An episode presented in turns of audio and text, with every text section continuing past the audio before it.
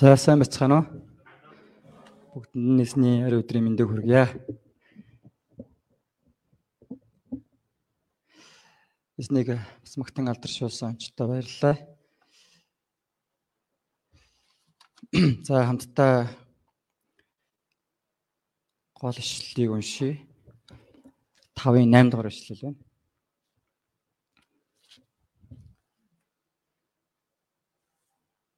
За эхлэе. Есүс түүнд бос төвсгэрээ аваад алах гэж айлдваа. За би залбирая. Хайртай хэзмэнэ асуул дээр гэмтээ биднийг Есүс Христийн нэнэн сар аварч өгсөн баярлалаа. Энэ цагт бас бид эзэн таны хүндлэн мөргөх нөхөө ивэлтэй цагийг зөвшөөрөн гэж талархаж байна. Хүн бүр чин сэтгэлээс эзэн таныг хүндлэн мөргөх үед эзэн та өөрийн ивэл өрөөлийг бас хүн бүрийн дээр дүүрэн байлгаж өгөөч. Энэ цагт бас таны үгнээс суралцах энэ цагийг та зариун сүнсээр удирдах өгөөрэй. Хүмүүр зөрсдгэлдээ эзэн таны үгийг хүлээн авч бас туулгууртай дагаж үржимстэй амьдрахад та удирдах өгөөрэй. Энэ цагийг эзэн танд даатгаж Есүсийн нэрээр залбирч байна. Амен. Яхан сандраад тах шиг бахаа. Уг нь байнга тайзан дээр гардгийг. За өнөөдрийн номлолын нэр бол бос төвсгэрээ аваад алах гэсэн нэртэй байгаа. Өнөөдрийн үгээр дамжуулаад бид 38 жилийн турш өвчтөй байсан хүний гэдгээс нь тэр Есүсийн тухай суралцах болно. Бидний амьдралд хүний хүч чадал дутаж өмнө сөхрөн унах тэр бэрхшээлүүд олон байдаг. Тэр бүрд энэ бол миний азгүй хувь тавилан гэж хүлээн зөвшөөрж гунигтай амьдардаг хүмүүс ч бас олон байдаг. Энэ цагт Есүс өөрт нь итгэн ирсэн хүн бүхэнд овжиг ожиг өвчнөөсөө ангижирч ад жаргалтай амьдрах ивэлийг өгөхийг хүсэж байна. 38 жилийн турш аимшигт өвчин өвчнөд нэрвэгдэж сүнс нь өгсөн хүнийг бүрэн эдгэж өгсөн энэхүү хайрын эзэн Иесустэй хүн бүр ховчлон уулзч чадахыг хүсэн ууж байна. Нэгдүгээр хэсэг эрүүл болохыг хүсэж байна уу? Нэгээс 6 дугаар хэсэг байна. За Есүс юудэчүүдийн нэгэн баяр болж байхад Ерөслим хотод ирсэн байгаа баяраар мэдээж олон хүмүүс найлан сэнгэж инээдхөөр дуухуур болж байсан. Уржигдэр ямар баяр болсон бэлээ? Ус тунхагласны баяр гэж болсон тий. Тэгээд мэдээж ингээд одоо олон нийтээр ингээд баярлаагүй ч гэсэндээ хөв хүмүүр энэ баяраар яасан бэ? Гэр бүлдээ цагийг өнгөрөөж амралтыг эдэлж тий. Одоо тодорхой хүрээлэл дотроо бас баярлсан байх тий. Тэгэхээр Иерусалим Орны хаалганы дэрэгд Биццаатай гэдэг цөөрөн байсан. Цөөрмийг тойрсон 5 сарвч ингээд байсан байгаа. Харин энэ баяр болж байхад тэр сарвчанд бол уур амьсгал өөр байгаа. Нам гүм, тийм ч одоо таата биш байсан байна. Учир нь тэнд байгаа хүмүүс ямар хүмүүс байсан блэ? Сохор, доглон, хатингар гэх мэт янз бүрийн өвчтөе хүмүүс байна. Хүн бүхэн эрүүл сарвал амьдрахыг хүсдэг те. Гэтэ хүсээгүй байгаад хүн хүнд өвчин одоо ирж өвчтөй болох тохиолдол байна те. Тэгээд өвчин хэлж ирдэггүй хийсч илдгээ ирдгээ гэж монголчуудын бас эртнээс ярьдаг хэлж ирсэн тийм үг байдаг.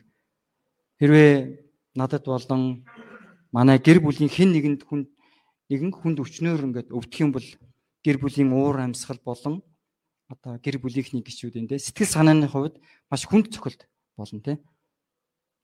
Зарим зарим хүний хувьд бол төрөлхийн эдгэршгүй өвчтөө төрсөн байдаг бол зарим нь одоо амьдралын явцад өвчтөй болсон тий эсвэл гинтийн аваар ослоос болоод хүслийн бэрхшээлтэй болсон ч юм уу янз бүрийн байдлаар өвчтөй болсон хүмүүс байгаа.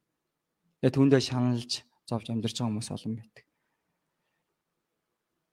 Тэгвэл тоосгүй олон энэ өвчнүүдийн өвчнүүд одоо нэг дор хөвтөж байгаа. Энэ битцаатай цөөрийн уур амьсгал тэгвэл ямар байх нь ойлгомжтой байна тий.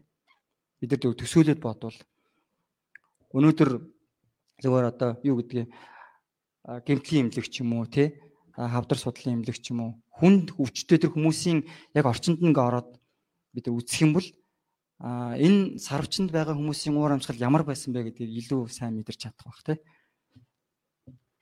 шантрал цөхрөл байсан, ганцаардал байсан.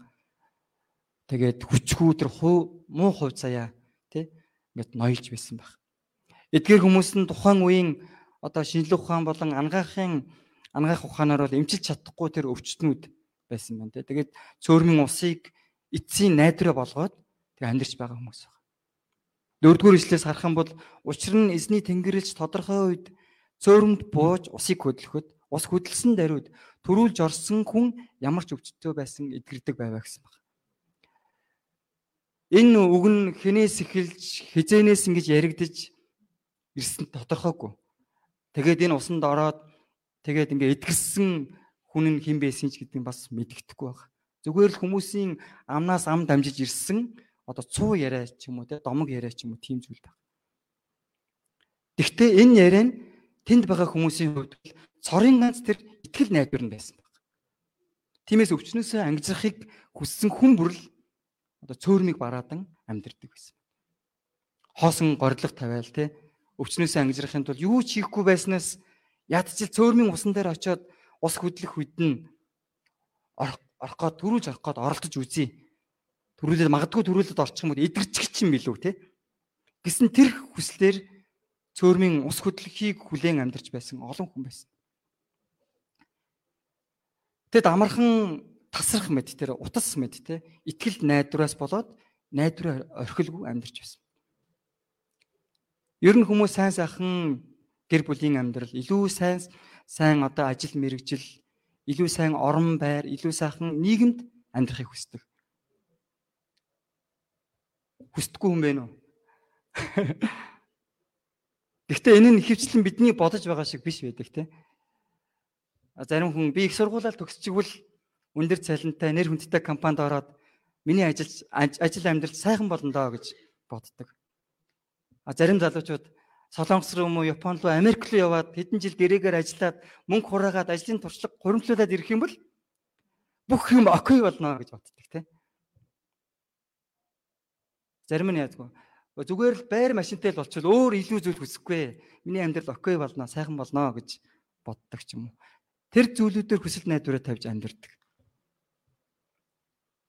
Гэхдээ эдгээр хүсэл найдвар болгож байгаа, тавьж байгаа энэ хүсэл найдварууд нь маш өчүүхэн зүйлүүд байдаг. Үүндээ бол энэ дэлхийн найдвар нь жинхэнэ найдвар болж чадахгүй зүйл.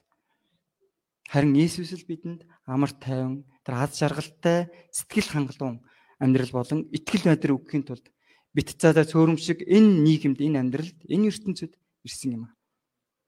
Иесус бол хизээч үл устдах бөгөөд итгэл юм хөсөрдөглөхгүй жинхэнэ найдвар юм а. Амен. Одоо 5 дугаар ишлэгийг үзээрэй. Битцаада цөөрөмд удаан хугацаанд өвчтөй байсан нэгэн хүн байсан гэж тийм. Тэрээр ихэнх цагаа дэвсгэр дээр хөвтөж өнгөрөөдөг байсан байна. Тэр хүнийг зүгээр бодоод төсөөлөд үзье те. Ихэнх цагаа дэвсгэр дээр хөвтөж өнгөрөөдөг хүн. 7 хоног сар хөдөлж чадахгүй даа ингээ орон дээр хөвтөж үтсэн юм байна уу? 2000-ад оны дунд үед төр төр батгаад чинь тэндээ сар эмнэлэг твцсэн байхгүй. Нэг 14 хоног болоод илүү хөдөлгөөнгүй ингээ хөвтчихсэн тэгсэн чинь ингээ сүүжнээсээ ингээ арьсан цооржсэн гэж байгаа. Цоорж гэж. 14 хоног сар орчим хөвтгэл тэгэж цоордог хүмүүс байна шүү дээ хүмүүс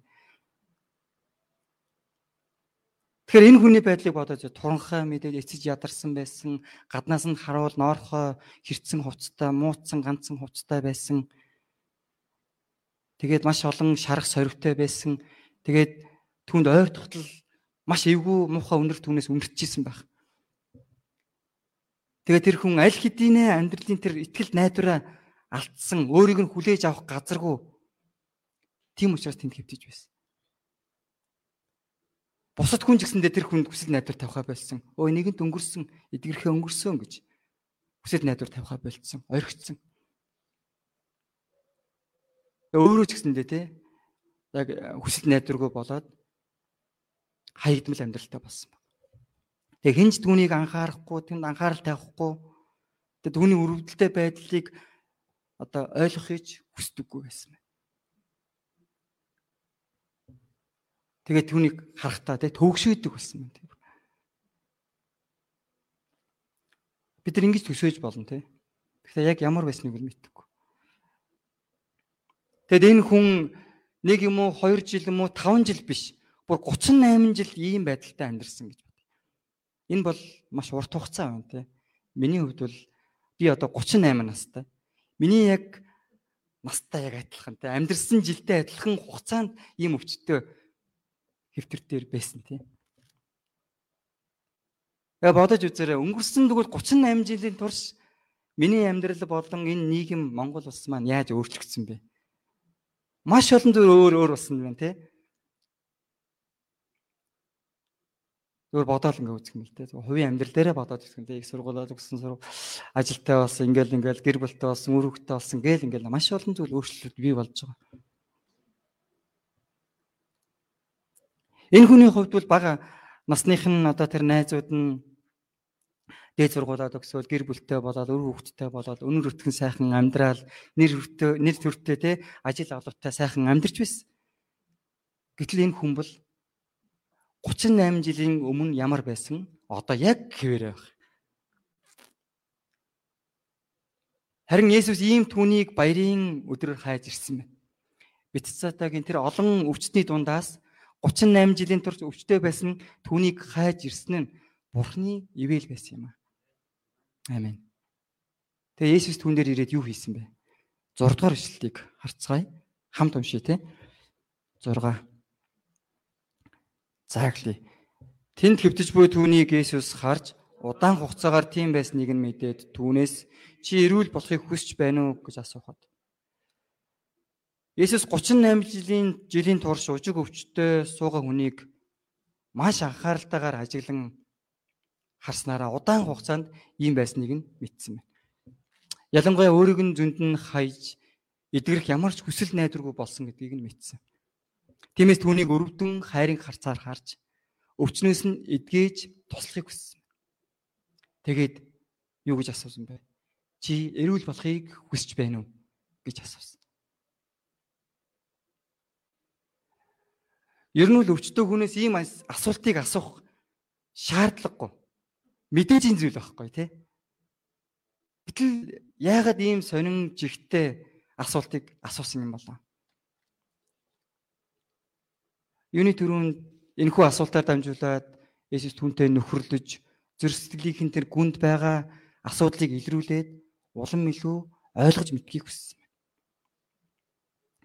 Уг нь Есүс холоос холоос эдгэж болох байсан тий. Холоос ингээ харж байгаа л тий. Тийм хүч чадал Есүс байгаа.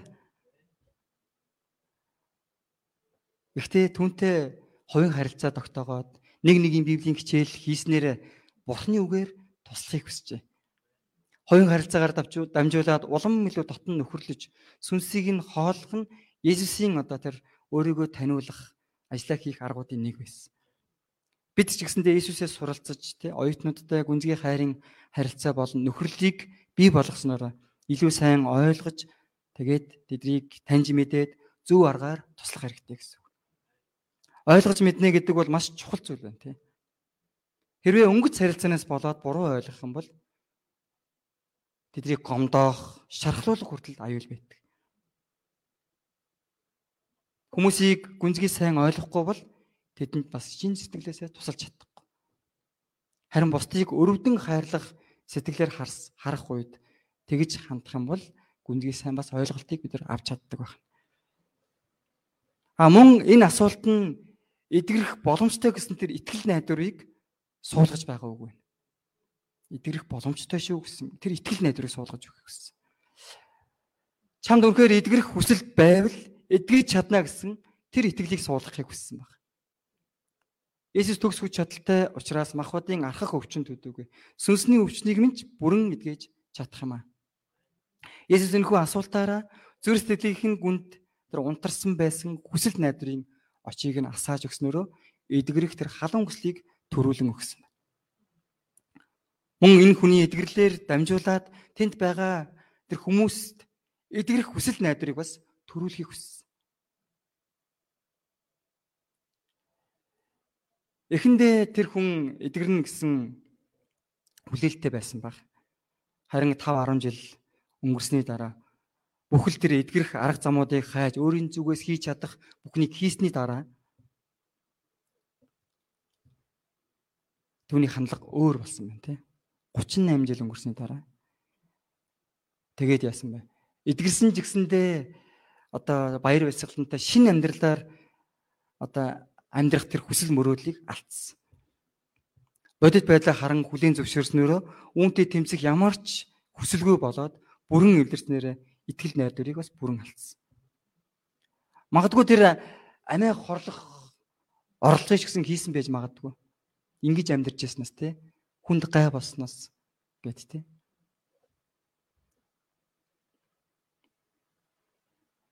Тэгээ ийм түнэс Есүс чи ирүүл болохыг хүсэж байна уу гэж асуусан юм аа.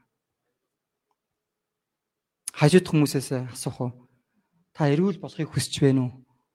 эрүүл болохыг хүсэж байна уу?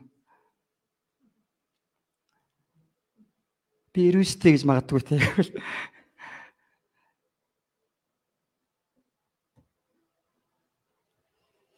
Өнөөдөр биднээс яг ингэж асууж байгаа Иесус. Энэ дуу хоолойг бид нар сонсох хэрэгтэй. Энэ хүн олон жилиг ужиг өвчтөй байсан шиг бидний итгэлийн амьдрал ч гэсэндэ амьдралд яг ийм ужиг өвчин мэд гмийн асуудлууд байж болох юм те гмийн асуудлууд. Хэрэг бид гим үлдэх юм бол эхлээд өөрийгөө буруу шаадаг. Тэгээд гимшдэг. Тэгээ гмийн тэр гүнзгий мэдрэмжийг ингэж мэдэрдэг.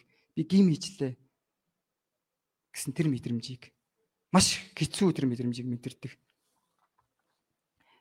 Харин гимсэн ч гэсэндээ би дахиж үлдэхгүй дээ гэж бодсон ч гэсэндээ дахин үлдэх үед дахин дахин үлдээд байх юм бол тий яг уу энэ өвдөлт мэдрэмж нь баг багаар буурсаар байгаа. Сүулдэ ямар ч мэдрэмжгүй болдог.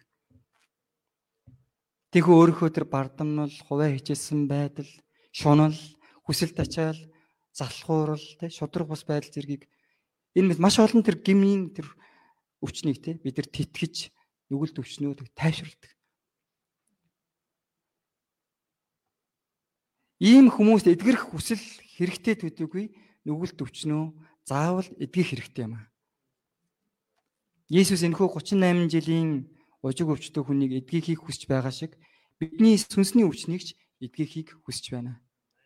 Энэ цагт Есүсийн чи эрүүл болохыг хүсэж байна уу гэсэн энэ дуу хоолойг сонсоод амен гэж чангаар хэлж чадахыг хүсэнгуйч. Та эрүүл болохыг хүсэж байна уу? Амен. Хоёрдугаар хэсэг бос дэвсгэрээ аваад алах. Одоо 7 дугаар эслийг хараарай өвчтөе хүн эзэн ус хөдлөх үед намайг цөөрөмд оруулах хүн байдаггүй. Тэгээд ч намайг оцсоор байтал өөр нэг надаас өмнө орчихдгоо гэсэн баг. Иесусийн чи эрүүл болохыг хүсэж байна уу гэсэн асуултанд тийм ээ амен гэж уг нь хариулах байсан тий. Гэтэл харин юу гэж хариулсан бэ? Энэ хариу өөр хариултыг тий хэлсэн баг. Энэ хариултаас хин нэгэнд найдаж байсан те. Тэгээд цөхөрсөн, шантарсан сэтгэлтэй болж хүмүүст гомдлож, гоморхож байгаа нь харагдаж байгаа. Ялангуяа хүмүүст ингэж түшгэлж байгаа, найдаж байгаа нь байх ёстой зүйл, мэдээжийн зүйл гэж бодож байсан. Энэ бодол түүнийг юу ч хийх хүсэлгүй, чадваргүй, хэрэгцээг нэгэн болгожээ. Мөн тэрээр ялагдсан сэтгэлтэй болсон байна. Мэдээж одоо цөөрмийн ус руу орох гэж олон удаа оролцсон байх тий. Ус хөдлөө хүмүүс ингээл тий. Ихт аль хэдийн хүмүүс бужигнаад орцсон байдаг. Үнэхээр тэр өрсөлдөөн ширүүн учраас дандаа хоцордог, дандаа ялагддаг. Энэ болгонд ямар мэдрэмжийг нэг удаа, хоёр удаа, таван удаа, арван удаа байнга л ялагдана. Ийхүү бүтлгүүдлийг мэдэрнэ, үргэлж ялагдана. Тэгээ сэтгэлээр унана. Тэгээд гутрна те. Энэ мэдрэмжийг үргэлж амсах нь үнэхээр хэцүү. Тийм учраас дахин дахин гэж ус руу орох нь за болидо. Тэгээ бүр ингээд за ер нь кичээхэ болсон байна те бүр. Орхоож болсон, хөдөлгөөж болсон. Тэгээд ялагдлын сэтгэлээр амьдрах болсон. Бүх хүн энэ хүн шиг байдаггүй те мэдээж. тэмцдэг, ялдаг хүмүүс ялсан амьдралаар амьдарч байгаа маш олон хүмүүс байгаа.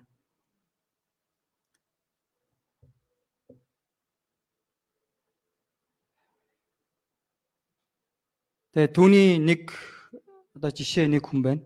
Нэг Вивчич гэдэг хүн байгаа. Та нар сонсч ирсэн зарим бичлэгийг бас үзэж ирсэн баг те. Тэрээр 1982 онд Австрали улсад төрсэн байна. Тэгээд 82 он гэх юм бол бас 39 настай байна тий одоо. Бас 38 9 жил ингэж өвчтөй амьдэрсэн гэсэн. Төрөхтөл тэр дөрвөн мөчхүү байсан тий. Тэгээ хоёр хуруутай. Тэгээ одоо хөл ингээд цээж эсгээр ингээд доошоо байхгүй те ингээд гар байхгүй тийм. Тэгээд одоо ганцхан тийм тавхаатай байсан байна. Яг баг багтан түүнийг сургуульд ингээд жирийн одоо хүүхдүүдийн тийм сургуульд явсан. Тэгээ хүүхдүүд шоолдог. Тэгээд одоо гадуурхаж дээрлэгдэг. Тэгээ үүнээс болоод тэр маш их сэтгэлийн шарах авч сэтгэлээр унж гутар гутрах болсон байна. Тэгээд тэр амиа хорлох хүртэл орлогыг хийж исэн бурхнаас тусанд гуйж эхэлсэн байна. Аа гар хөлтөө болгож өгөөч гэж те гуйсан байна. Тэгээ ийхүү бурхны өмнө би байгаагаараа үн цэнтэй эрхэм нандган гэдгээ тэр бас ухаарсан баг. Дараа нь бурханд талархаж бусдад би ерөөл болохыг болох хэрэгтэй байна гэд одоо өөрийн хүчээр те тэмцэж одоо энэ бүх байдлыг даван туулж амьдэрсэн баг. Тэгээ цаг хугацаа өнгөрөхөд тэр маш олон зүйлийг бие дааж сурч эхэлсэн байна. Одоо тэр бичлэг дээр гардаг те компьютер дээр ингээд хоёр юм хуруугаар ингээд шивж байгаа. Тэгээ минутанд 43 үг шивдэг гинэ. Тэгээ гольф тоглож байгаа. Тэгээд усан сэлж байгаа. Тэгээд скейтбордоор гулгаж байгаа. Тэгээд хөл бөмбөг тоглож байгаа. Тэгээ үсээ самнаж байгаа тий. Сахлаа хусж байгаа, шүдээ угааж байгаа. Гаргүй шүү дээ тий. Энэ бүхнийг сурсан байгаа тэр. Тэгээ тэр өөрийнхөө амьдралаараа ингэж одоо хүмүүст урам зориг өгөхийн тулд ихтгэл тавьж бусдыг урамшуулж бас дуу болон клипүүдийг ингэж бусдад цацаж нөлөөлж байгаа. Одоо дэлхийн маш олон өнцөг болон бүрт ингэж ийм үйлчлэлийг бас хийж явж байгаа. Тэр одоо дөрвөн хүүхэдтэй эхнэр дөрвөн хүүхэдтэйгээ те Америкт Калифорни мужинд амьдарч байна. Тэгэхээр битцаадаа цөөрмийн дэргэд хэвтэж байгаа энэ хүн энэ хүн ч гэсэндээ те яг ингээд энэ нэг вичч шиг байж болох байсан. Тэр цөөрмийн дэргэдэг сарвчин байгаа тусламж хэрэгтэй бүх хүнд сайн хончин нь болж болох байсан. Харин тэр өөрт нь хинч туслаагүйд гомдлож гомрохож байх. Харин Иесус энэ хүн тэгвэл хэрхэн яаж тусалсан бэ? 8 дугаар ишлэлийг уншиж байгаа тийм. Ахлий Есүс түүнд бос төвсгэрээ аваад алах гэж айлдваа. Эндээс харах юм бол энэ үг зүгээр нэг хүсэлт биш байгаа. Тэр хүнд өгсөн Бурхны тушаал байсан. Есүс энэ тушаалыг Бурхны тэр эрх мэдлэр хэлсэн баг. Энэ үгийг хэлсэн даруйдл тэр хүн хүнд одоо тий хүчтэй нөлөөлөөд түүний тэр зөвхөрсөн сүнс ялагдсан сэтгэлд босох хүчийг өгсөн. Сүмэлзэж байгаа тэр зулын гол шиг байсан түүнийг Есүс дахин дүрлэж байгаа гал шиг асааж өгсөн. Есүс түүнийг хүчгүй хүмүүст найдаж хүсэл найдваргүй ялагдсан дэвсгэр дээрээ хэвтэж гуниг зовлонтой амьдрахыг хүсээгүй. Есүс түүнийг босож хүчтэй, хүсэл мөрөөдөлтэй, аз жаргалтай амьдралаар Андреасаа хэмээн хүссэн юм. Энэ хүний эдгэрэл нь Есүс өөр хүссэн учраас тэр хүний итгэл болон дуулууртай байдлаас үл шалтгаалan хийсэн Бурхны ажил байсан. Есүс өөр эдгэхийг хүсэх юм бол хэнийг ч гэсэндээ эдгэх боломжтой гэдгийг бид ойлгож байна. Есүс тэр хүнд бос дэвсгэр аваад алах маш эрх мэдэлтэйгээр хэлсэн байна тий. Энэ нь тэр хүн тавьсан агуу хүсэл найдвар илэрхийлэгдэж байна. Есүс түүнийг эзний дуу хоолойг сонсоод би даан өөрөө босож явахыг хүссэн байна. Есүс түүнийг хүн түшгэлсэн гомдолдож ямар ч хүчгүй хэвтэн амьдрахыг хүсээгүй. ялагдлын сэтгэл болон муу хувь заяанд автагдан амьдрахыг хүсээгүй. Бурхныг гониглуулан бусдад төвөг удан хэрэгцээгүй үн цэнгүй нэгэн байлгахыг хүсээгүй. Өдөр бүр харин цаг хугацааг үн өдөр бүр цаг хугацааг үн цэнгүй болгож нандин амьдралаа ч гэсэндэ дэмий үрхийг бас хүсээгүй. Харин Иесус түүнийг босоод хэвтэж байгаа газараасаа босоод Бурхныг баярлуулж бусдад Бурхны ивэлийг хуваалцдаг ерөөлийн үндсээр амьдрасаа хэмээн хүссэн юм. Тиймээс Иесус хүнд бос дэвсгэрээ аваад алах гэж тушаасан юм. Бидний ч бас урам хугарч ялагдсан сэтгэл ба хүсэлт найдваргүй амьдрахыг Бурхан хүсдэггүй юм аа. Харин босоод алхаасаа хэмээн хүсдэг. Хэрэг та өнөөгийн нийгэмд өрсөлдөөнд ялагдан хэвтэж байгаа бол хүн хэцүү амьдралд нухлагдан шантарч зөхөрсөн бол санхүүгийн асуудлаас болж шаналж байгаа бол гмийн ачаанд дарагдан гунигтай байгаа бол бос гэж байна. Бурхан биднийг хэвтэж байгааг харах дурггүй. Учир нь Бурхан биднийг босоод хичээнгүүлэн ажиллаж байгаар бүтээсэн юм аа. Гэтэл хүмүүс гмээс болоод цаг зав гарвал хэвтгийг хүсдэг цагийг дэмий өрөн хөвтөж янз бүрийн хоосон санаа бодол хүсэлт ачаал автан хөвтдөг. Олон хүн гмийн өвчнөөс шаналн хөвтөж байдаг. Ийм хүмүүс нь бидний гмийн төлөө өөрийн ариун нандин цусаа урсгаж амиа өргөсөн Христийг харах хэрэгтэй. Энэ л Есүст итгэж түүнийг харуул биднийг бүх гмээс цэвэрлэж шинэ амьдралаар амьдрах хүчийг өгөх болно. Тиймээс Есүсийн бос гэсэн үгийг сонсох хэрэгтэй зөвхөн босоо зогсохгүй дэвсгэрээ аваад алах хэрэгтэй юм аа. Хуучин амьдралын бүх муухай, муу муухай хэрэгцээгүй зүйлсийг орхиод шинэ амьдралаар амьдрах хэрэгтэй. Сүнсний хувьч гэсэндээ итгэлээр өсөж төлөвшин Христийг амьдралынхаа төв болгон амьдрах хэрэгтэй. Нэгэнд итгэрсэн бол өвчтөе хүн шиг амьдрах бус те харин эрүүл чирэг өвчтөе хүн шиг шинэ амьдрах амьдралаар амьдрах хэрэгтэй. Өөрийг нь эдгээж аварч өгсөн Бурхны алдрын төлөө амьдарч түүнийг гэрчлэн Бурхны хаанчлалын дөрөв өөрийн амьдралыг бүрэн зориулж амьдрах хэрэгтэй. Одоо хүртэл муу хувь тавилан, зовлон шалан шаналн шаналнгийн дундах те ямар ч хүсэл найдваргүй амьдралаар амьдарч байгаа хүмүүст бас туслах хэрэгтэй. Үүний төлөө Бурхан бидэнд нэгүслээ өгч аварсан юм аа.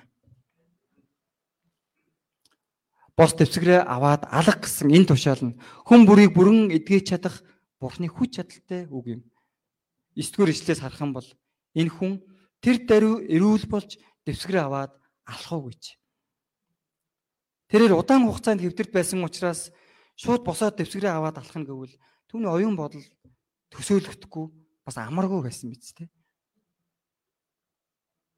би босч чадахгүй шүү дээ тий. Яагаад ингэж хилээд байгаа юм бэ гэл тий. Тэгж болох байсан. Харин тэр Бурхны дуу хоолойг сонсоход тэр хатангирсан булчингууд нь гинт хүчтэй болсон. Мэдээгүй байсан тэр хөлн хөдөлж тэгээд хэл эхэлсэн тий. Тэгээд босоод дэвсгэр аваад явсан баг. Есүсийн амнаас гарсан нэг үгч насан туршийн зовлон хэдхэн секундэд өөрчилж чадах хүч чадалтай юм аа. Есүсийн үгийн хүч чадал бидний амьдралд ирвэл хэдэн 10 жил тээж байсан шаналлаас бүрэн ангижирч чаднаа. Есүс бидний амьдралд орох юм бол боломжгүй гэж бодож байсан ямар ч зүйл Бурхны хүч чадлаар боломжтой болно. Есүс 38 жилийн турш өвчтөе байсан энэ хүний амьдралд орж ирсэн ирээд бүх зовлон шаналлаас чөлөөлөн өгсөн. Өнөөдөр ч Есүс та бидний сүнс ба махбодын асуудлыг шийдэж өгөх хүч чадалтай юм аа. Амен. Итгэж гин үү? Амен. Тиймээс би ч гэсэндээ Есүсийн дуу хоолойг сонсоод шийдэж чадахгүй сүнс ба махбодын асуудлын эсрэг идэвхтэй тэмцэхэд шантрал ба ялагдын сэтгэл, муу хувь тавилан ба гмийн дэвсгэрээс босоод алхдаг амьдралаар амьдарч чадна. Өнөөдөр бид тэр босох ёстой бөгөөд босхгүй л болохгүй тэр олон янзын дэвсгэр дээр хөвтөж болох юм тий. дагалдагч босгох ажилд ялагдж шантарсан бол сайн мэдээг тунхаглахдаа өөрийгөө голж хүчгүй байгаа бол өглөөний гуйлтанд оролцмоор байсан ч нойрондоо ялагдсан хэвтэж байгаа бол өдөр болгон Библи уншмаар байвч цаг завгүй гэдгээр өөрийгөө яллаж хүчгүй амьдарч байгаа бол Есүсийн бос дэвсгэр аваад алах гэсэн дуу хоолойг сонсон бос чадхыг хүсэн ууж байна. Амен. 3 дугаар хэсэг дахиж нүгэлбүү өвөлд 9-бээс 15 38 жилийн турш өвчтөй байсан хүний эдгэрсэн энэ өдөр бол амралтын өдөр байсан баг. Тэгээ түүний дэвсгэрээ аваад явж байгааг харсан юудэчүүд уг нь баярлах хэвээр тий. Өө тэр өвчтөй хүн эдгэрсэн байж тээ гэж баярлах хэвээр. Харин тэд нар яасан бэ? Амралтын өдрийн хуулийг бариад түүнийг буруутгаж. Тэд хуулийн тэр гол санаа болсон хайрыг орхигдуулсан Тэгээ хуулийг хүнээс илүүд тавьсан баг. Юудэч тэр хүний эдгэрлийг хууль зөрчсөн асуудал болгоход түүний сэтгэл бас айдас бий болсон баг. Би хууль зөрчсөн мүү? Тэ. Уг нь баярлах байтал. Тэгээд тэр хүн намайг тэр хүн те намайг эдгээс нь нэг нь надад дэвсгэр аваад алах гэж хэлсэн. Тэгээд би дэвсгэр аваад явж байна гэж хариулсан баг. Яагаад гэвэл тэр Иесус өөрийг нь эдгээсэн гэж мдээгүй те. Харин Иесус ийм түнд хэрхэн тусалж байна вэ? 14 дугаар ишлэгийг харцгаая. Дараа нь Иесус түүнийг сүмд олоод харагтун чи эрүүл болжээ. Чамд илүү муу юм тохиолдохгүй тулд дахиж нүгэлгүй үйлдэглээ.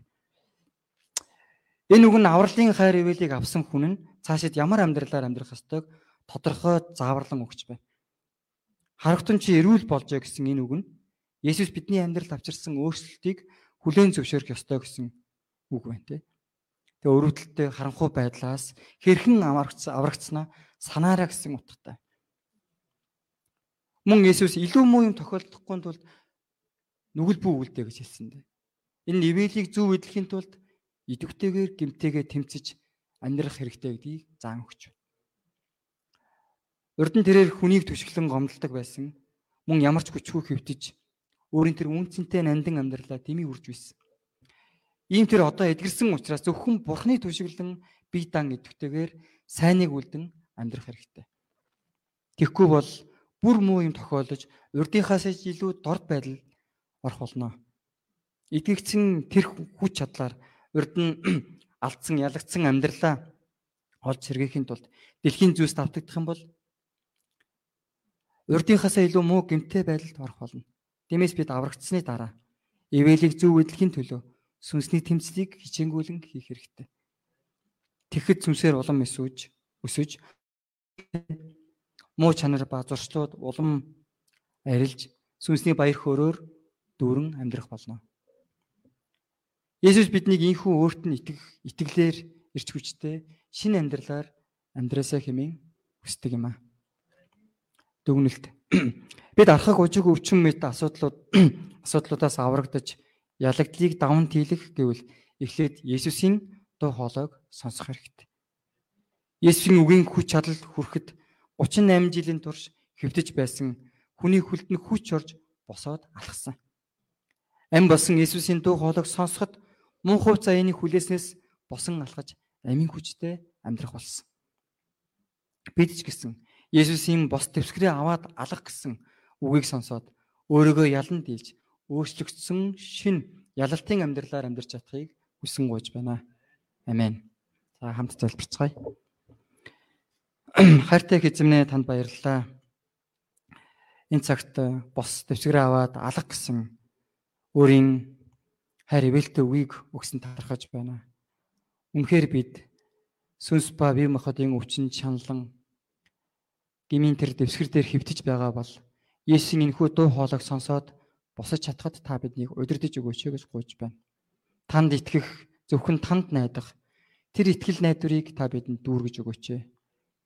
Үнэхээр таны үгэнд итгэж үнэхээр шин амьдралаар ялсан амьдралаар баяр хөөртөө тэр амьдралаар амьдрахад та биднийг удирдах өгөөрэй.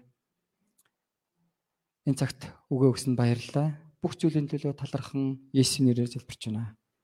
Амен.